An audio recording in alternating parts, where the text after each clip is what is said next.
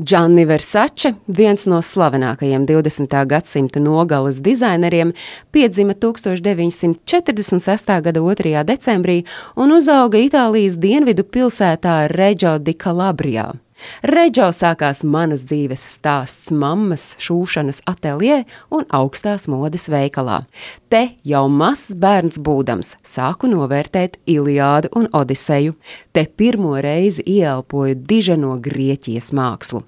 Tā atcerējies savu bērnību Džannī. Mātes Frančiskas butikā viņš iemācījās skicēt, piegriezt un šūt, Par savu meistarību dizainers var pateikties tieši mammai, tomēr attiecības ar viņu bijušas sarežģītas. Frančiska lielāku uzmanību veltījusi vecākajam dēlam, centīgajam Santo, un Džannī izmantoja modi arī tālāk, lai būtu mammai līdzās, lai izpelnītos viņas uzmanību un arī pašapliecinātos. Viņa vārds, protams, uzreiz nekļuva par modes ikonu. Vispirms Versace izcēlās ar drosmi citā jomā - savas seksualitātes atzīšanā. Viņš bija gejs. Kaut arī Itālijā pret homoseksuāļiem nebūtu neizturējās toleranti, Versace nedomāja piebremzēt ar savu atklātību.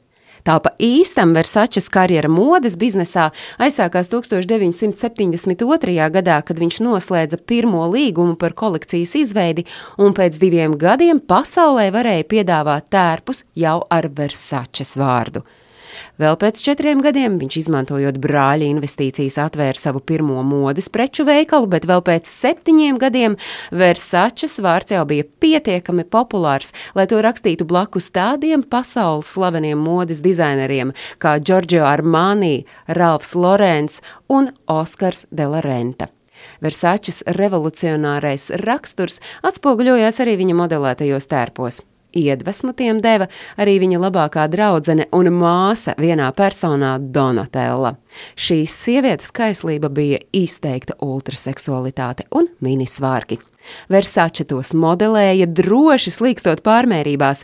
Viņš bija pompos, vulgārs, klasisks, avangardisks un, protams, arī mežonīgi dārgs dizainers.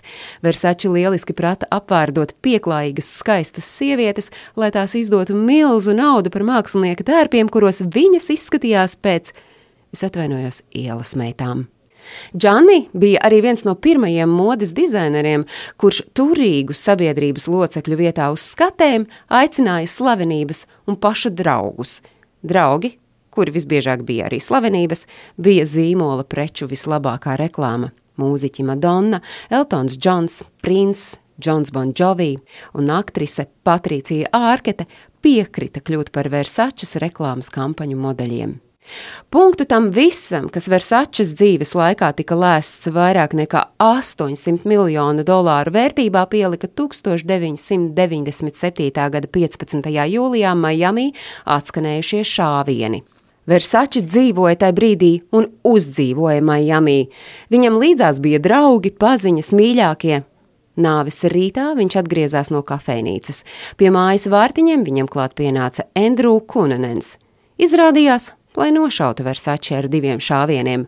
Vairākas dienas pēc slepkavības viņš pats izdarīja pašnāvību.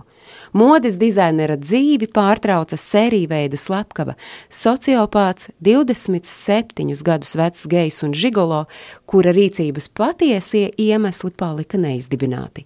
Taču dažādas versijas par to, vai upuris un slepkava bijuši personiski pazīstami, pasaules mēdījos klīst joprojām. Stāstīja Agnese Drunka.